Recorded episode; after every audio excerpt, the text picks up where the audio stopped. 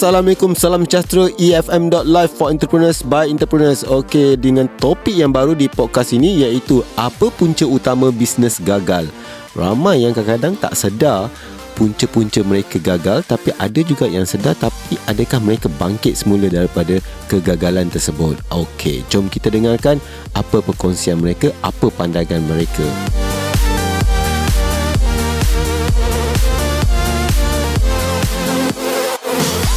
Dan saya ingin memperkenalkan tetamu yang telah saya bawakan ke studio hari ini iaitu Muhammad Faris bin Ma Rohan daripada Boleh Motors Enterprise. Apa khabar? Ya, khabar baik Alhamdulillah. Alhamdulillah. Muhammad Faris. Ya, saya. Anak panggil apa ni? Faris? Panggil Faris je, okey. Alright, Faris. Okey, daripada Melaka katanya kan? Ya, betul Melaka. Melaka di mana tu? Saya Melaka di Aikeroh, Sungai Putat. Ah, Aikro, orang Aikro ni. Yeah. Okey, ah, popular lah memang Aikro tu senang orang nak tu kan. Ah, popular dengan apa mango float, coconut shake. Ah, kan. Dan juga Taman Buaya eh? Ya, betul. Taman Buaya tu kat belah depan eh. Ah, Taman Buaya tu yang sangat popular tu kan. Alright, okay. Boleh tak Faris ceritakan seberingkas mengenai uh, pendidikan Faris? Dapat belajar ilmu ni, Faris ada bengkel kan? Mm-hmm. Iaitu Boleh Motors Enterprise. Mm-hmm. Okay. Apa pengalaman, daripada mana belajar ni? Di Giat Mara mana? Okey, kalau ikut daripada segi pembelajaran, saya daripada mm-hmm. kecil lagi memang ada basic untuk merepair lah. Okey. Uh, sebab orang tua sendiri pun dulu memang ada workshop motor. Hmm. Uh, so approve saya untuk belajar tentang kenderaan tu lagi ni lah. Oh, uh, memang ada kehendak memang tu, ada memang kehendak minat saya. kan? Uh, cuma saya bezanya saya belajar kenderaan automotif lah. I see. Ah, di uh, Giat Di Mara? Su- Giat Mara Sungai Rambai. Sungai Rambai. Alright. Tapi kan, um, boleh motor enterprise ni lebih kepada any kenderaan? Ya, ini kenderaan. Semualah. Uh, semua. Maksudnya kenderaan komersial sekali lah. Oh, bas, Ah, kereta, ya, semua bas boleh. boleh. Kapal terbang boleh tak? Kapal terbang tu. Itu gila. Okey, tapi kat mana uh, sekarang ni mas, uh, dah buka apa lama? Buat masa sekarang saya dah operasi lima, lebih kurang 5 tahun Mhm. mm-hmm. Tapi cuma saya tempat je tak ada Saya masih menumpang di workshop-workshop rakan lah Alright. So InsyaAllah. menyewa dengan dia lah. Aha, InsyaAllah kalau ada rezeki dalam masa terdekat ni Bulan Januari atau bulan 2 Saya akan cari satu kedai untuk sewa lah Untuk mulakan perniagaan Alright. Mara banyak ke, bengkel apa kadang boleh sewa dengan dia orang kan? Ah, itulah minta-minta ada lah bantuan-bantuan Ah, macam bantu tu. Mara Boleh kontak dia orang Mara Melaka Ah. Kan Saya rasa dia orang yakin Dia dia, dia akan bantu Especially daripada Giat Mara punya Pelajar-pelajar daripada Giat Mara ni Dia mesti support Kan Alright Okay Di mana dapat ilmu keusahawanan Selain di Giat Mara sendiri Ilmu kesuahanan ni sebenarnya pada kita sendiri. Mhm. Uh, bila kita nak tahu tentang usahawan tu, perniagaan tu kita kena cari sendiri. Kita Mhm. kena lebih banyak bertanya. Hmm, tak ada pergi ikuti kursus Sebab sebab pasal menguruskan keuangan ke Ah, sebab ataupun misal kata kalau kita mengikuti kursus, mungkin kita kena perlu ada modal. Mhm. Ah, sebab kita nak Ah, belajar. awak salah tu. Ada agensi yang bagi ya, free. betul. Betul, itu Ah, betul. Tapi kebanyakannya perlu ada kita punya modal modal sendiri. Ah, maksudnya Maksudnya kena perlu ada modal lah baru kita boleh belajar. Ah. Ah. Jadi untuk misal kata kita tak ada modal, Aha. Kita kena belajar sendiri. Mhm. Contohnya tanya yang lebih-lebih arif dalam bidang perniagaan Mhm. yang dah lama. Tapi saya nasihatkanlah Mhm. untuk Faris uh, boleh pergi ikuti kursus macam Mara sendiri dia bagi free Mhm. Ya, kursus. Okey macam MDEC pun free. Mhm. Uh, dan juga banyak lagi lah uh, yang kita dah jumpa kita interview kan dengan wakil-wakil pada mereka uh, SME Corp uh, dia orang banyak bagi free uh, apa ni kursus-kursus berkenaan Ya, dengan keusahawanan dan mungkin boleh mengembangkan juga nanti bisnes Faris bila dah ada kedai sendiri, bengkel Ya. sendiri, uh, mungkin waktu tu Faris uh, perlukan lebih banyak ilmu keusahawanan. Okey. Mm, boleh Motors Enterprise ni menumpang di bengkel kawan. Mm-hmm. Macam mana tu? Sebab kawan pun ada bengkel juga. Mm-hmm. Faris pun uh, Ya, betul. Macam mana pembahagian kerja? Mungkin kadang-kadang takut. Macam pembahagian kerja tu kita pada customer kita lah. Okey. Ah, customer- Maksudnya customer tu kadang datang, oh, saya nak dia. Ah ya. Macam tu? Ah betul. Oh. Kadang-kadang orang ni tengok kita punya kualiti kerja lah. Aha, aha. Ah, bila kualiti kerja kita tu okey, orang akan cek kita lah. I see. Dia Ah. macam tak adalah kawan ke fikir alamak asyik dia je dapat uh, Ah tak adalah. Tak ada. Ah, Ah, so far alhamdulillah setakat ni okey lah semua. Dia masih fikir okey lah tolong ah, menolong ingin lah. membantulah. Ah, Alhamdulillah. Alright, okay. Tadi saya tanya kan, pernah gagal tak dalam niaga? Mhm. Pernah? Pernah. Pernah, okay. Kenapa? Kenapa uh, gagal? Ah, Mesti ada sebab. Salah satu faktornya saya gagal apa untuk mengawal sistem kewangan lah. Ha kan sebab itu sebenarnya Ah, betul. isu antara banyak usahawan-usahawan gagal kerana kewangan Ya, betul. tidak menguruskan dengan baik. Kadang-kadang bila kita ada akaun semua kena ada kan. Ya, betul. ha kena tahu keluar masuk duit, kena recordkan walau sesi apa sekecil-kecil mana pun hmm. kita recordkan. Ha kesian pada usahawan-usahawan kadang-kadang dia tak sedar benda tu kadang-kadang dia rasa macam alah tak apalah mm-hmm. kan tapi benda-benda tu kena ada dan ada sebab-sebab lain menyebabkan kegagalan tu Kebanyakannya yang saya tengok lah peniaga yang tak dapat meneruskan ni. Mhm. Dari kalau daripada segi kewangan tu sebab duit perbelanjaan yang diorang dapat keuntungan semua Mhm. diorang pakai untuk benda lain. enjoy Enjoy jadi Ah. duit pusingan tu tak dapat. Okay, so sekarang umur 25 tahun. Ya betul. Okey, 25 tahun, uh, dah ada 5 tahun niaga. Maknanya hmm. Faris dah start daripada umur 20 tahun. Ya habis belajar tu saya start Terus start buat sendiri dah kan. Alright. Nampak baguslah bermakna uh, Faris dah start daripada umur 20 tahun dah belajar. Sebenarnya dengan pengalaman 5 tahun adalah satu pengalaman yang besar juga tau. Mhm. Kan? Sebab Yalah. bukan senang nak bertahan Betul tu. untuk uh, tahun uh, sampai ke 5 tahun. Mhm. Kadang-kadang orang setahun dua tahun pun dia dah give up. Betul. Sebab Kan? ramai pun rakan-rakan pun tak dapat nak teruskan yang bidang yang sama. Kan? Ah. Uh, dan akhirnya bekerja dengan orang lain. Ya betul. Uh, tapi Faris masih lagi boleh bertahan Hmm. dan insyaAllah akan ada uh, bengkel sendiri. InsyaAllah. Alright. Okay Faris, tadi kita masih lagi dengan topik kita iaitu berkenaan dengan bagaimana apa ni apa uh, sebab utama menyebabkan bisnes itu gagal. Alright. Dan Faris sendiri tadi berkongsi yang kita yang Faris pernah gagal dalam berniaga. Hmm. Adakah perniagaan yang sama? Perniagaan yang sama. Okey, kemudian 5 tahun ni baru yang Stay lah. stay dalam bisnes yang sama. Okey, tadi pernah gagal. Jadi kenapa macam mana boleh bangkit semula? Mungkin ada something yang membuatkan Faris rasa Faris kena bangkit semula.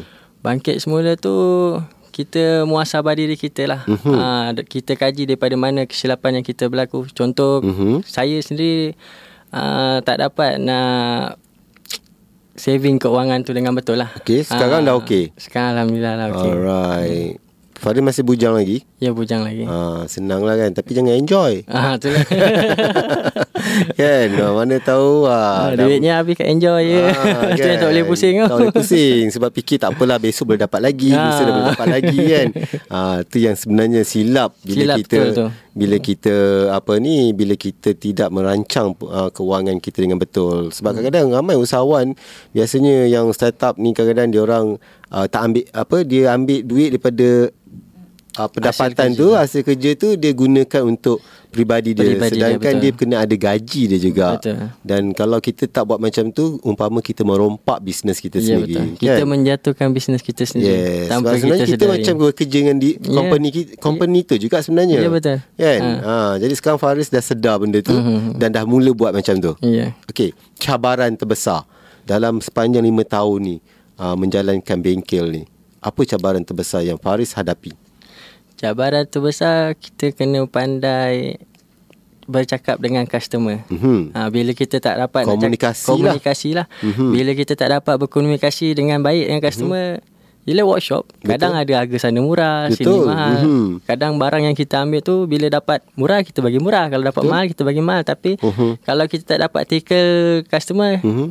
ada agak kecabaran dekat situ untuk fahamkan dia. Kan Lepas tu kita pula Kena bersaing dengan orang Ya. lain kan Mhm. Dengan bengkel-bengkel yang lain Yang mungkin dah established Ya, betul. Kan Dan juga Sebab Benda yang berkaitan dengan uh, Technical Ataupun macam kenderaan ni Baiki kenderaan ni Kadang-kadang Nak meyakin customer tu Ya, nak meyakinkan customer tu ah, penting. Sebab servis Lepas kita baiki tu Kita nak Pastikan customer tu datang lagi Ya, betul. Yang itu yang penting Yang kita Kena hadapi uh, Isu ini ialah kita komunikasi yang penting Hmm. kan macam mana kita nak communicate dengan customer macam mana nak pastikan mereka berpuas hati kan macam saya contohnya kadang saya pun bila hantar kereta saya ke Hmm.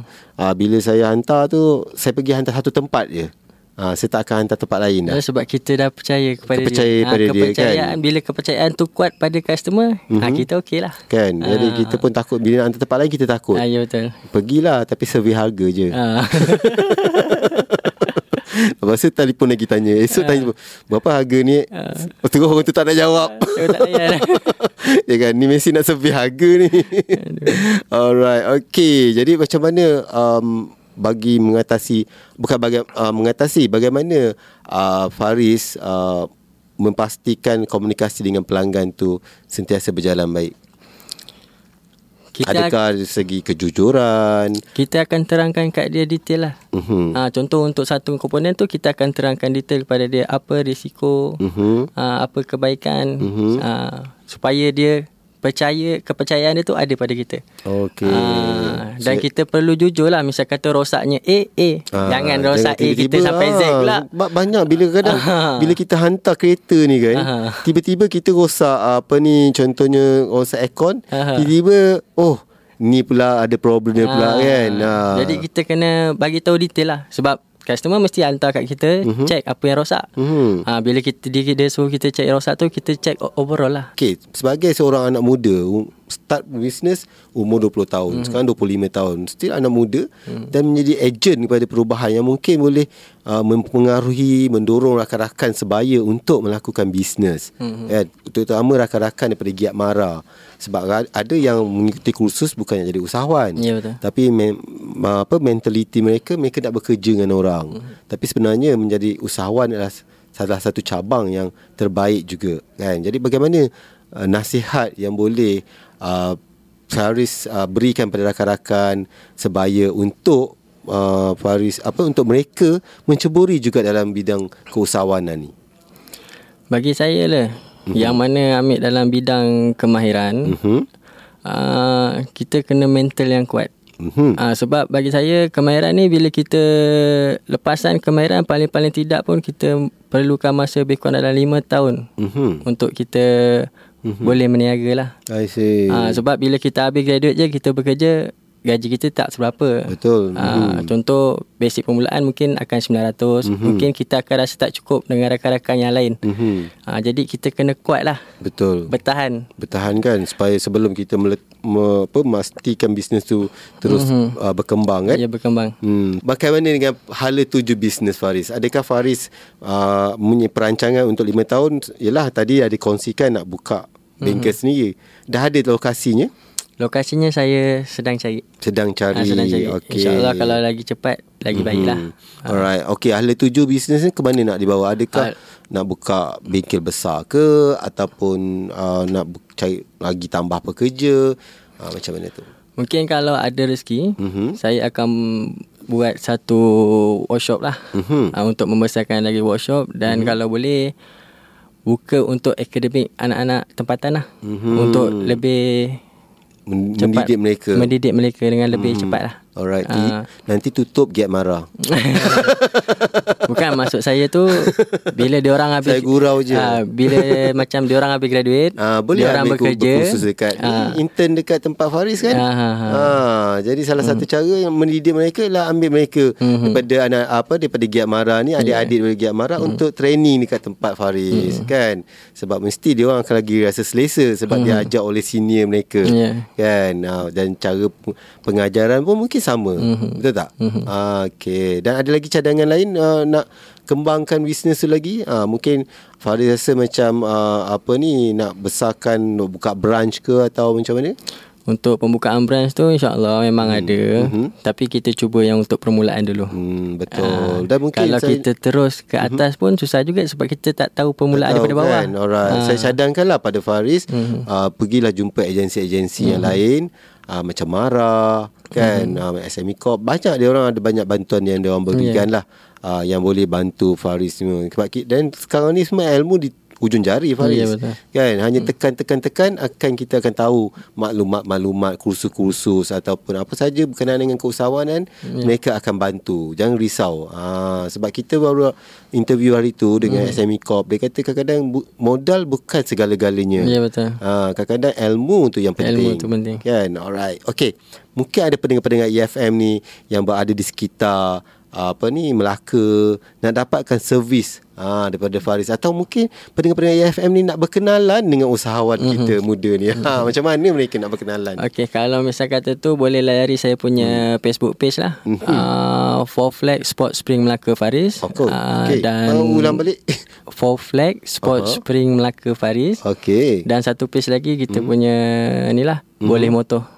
Ah, boleh motor. Ah, Okey, Instagram motor. semua lah sama. Instagram kita for flat Melaka. For flat Melaka. Ah, untuk macam breakdown ke tengah malam ke pun saya pergi. Boleh pergi. Saya pergi. Memang on call 24 jam. Kalau saya kat Cyberjaya datang. Cyberjaya tu charge double lah. tak apalah. Terima kasih. Alright, hmm. tapi kalau area mana Melaka saja. Saya area Melaka lah. Orang Melaka. kata Sungai Rambai saya pampat tu gagah saya pergi. Okey. Ha. Kalau sempadan sempadan Negeri Sembilan masuk? InsyaAllah tengok Boleh pada jenis apa? Ah, kenderaan. motor pancit je.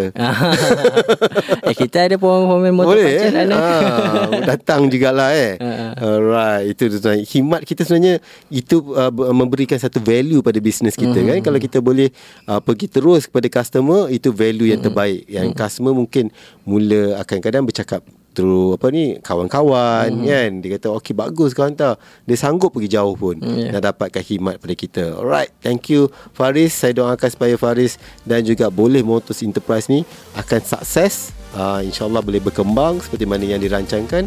Yang penting kita kena sentiasa berusaha. Yeah. kita kena berdoa dan tawakal. Insyaallah akan mm. boleh kejayaan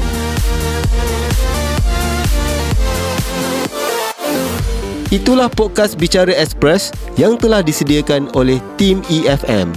Teruskan bersama kami di episod seterusnya hanya di efm.live for entrepreneurs by entrepreneurs.